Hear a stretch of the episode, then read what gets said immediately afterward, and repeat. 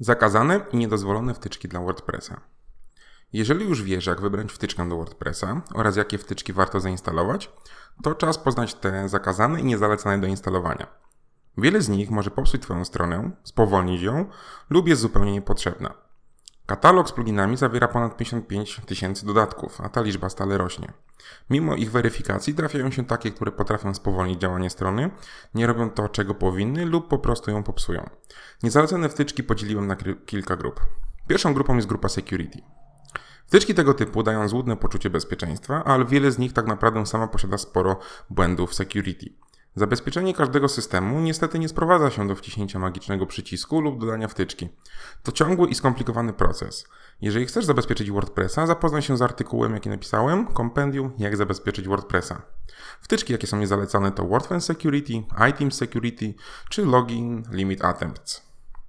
Kolejną grupą są grupa wtyczek połączona ze statystykami. Wtyczki, które zbierają statystyki odwiedzin po stronie WordPressa powinny być naprawdę zakazane. Przez tego typu wtyczki baza danych naszej strony stale rośnie. Im częściej mamy odwiedzaną stronę internetową, tym więcej danych będzie trzeba zapisać w bazie. To powoduje oczywiście olbrzymie problemy wydajnościowe, zabiera sporo miejsca na hostingu i wydłuża czas jego backupu. Przykładowe niezalecane wtyczki to WP Post View czy New Stats Press. Mailing. Z tyczkami, które wysyłają sporą liczbę wiadomości, zawsze jest ten sam problem. Możemy zostać posądzeni o rozsyłanie spamu, zwłaszcza jak robimy to z jednego adresu IP konta hostingowego. Jeżeli posiadamy małą liczbę odbiorców, to nic nie stoi na przeszkodzie, by korzystać z takich wtyczek. Natomiast przy większej liczbie oraz częstej wysyłce wiadomości, warto pomyśleć o usługach, które realizują takie mailingi. Przykładowe wtyczki to MailPoet czy Newsletter. Kopie zapasowe. Kopię zapasową lepiej mieć niż nie. Stare powiedzenie mówi, że ludzie dzielą się na tych, którzy robią kopie zapasowe i tych, którzy zaczną je robić. Styczkami do robienia kopii zapasowych trzeba postępować rozsądnie, tak aby one nie wyrządziły nam szkody. Jeżeli nasz hostingodawca wykonuje kopię zapasową i co ważniejsze potrafi odzyskać pliki, to możemy zastanowić się, czy jest sens posiadania takiej wtyczki. A na co warto zwrócić uwagę podczas korzystania z styczek do kopii zapasowych?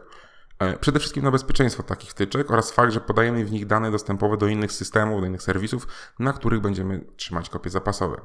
Niestety bardzo często te loginy oraz hasła nie są zapisane w postaci zaszyfrowanej.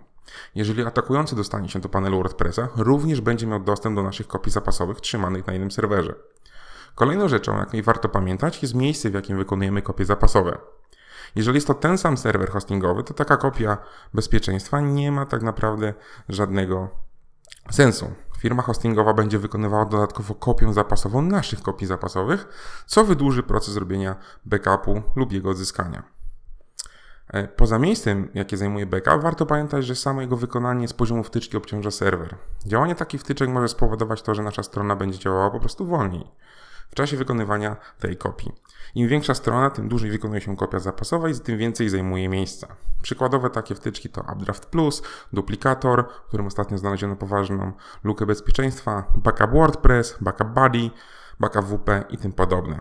Są jeszcze różne rodzaje wtyczek, które powodują na przykład mocne obciążenie bazy danych, dodają różne śmieci do systemu lub po prostu mają sporo luk bezpieczeństwa. Listę tą można zobaczyć w linku podłączonym do tego podcastu. I to tyle na temat niezalecanych i niebezpiecznych wtyczek. Dzięki, cześć.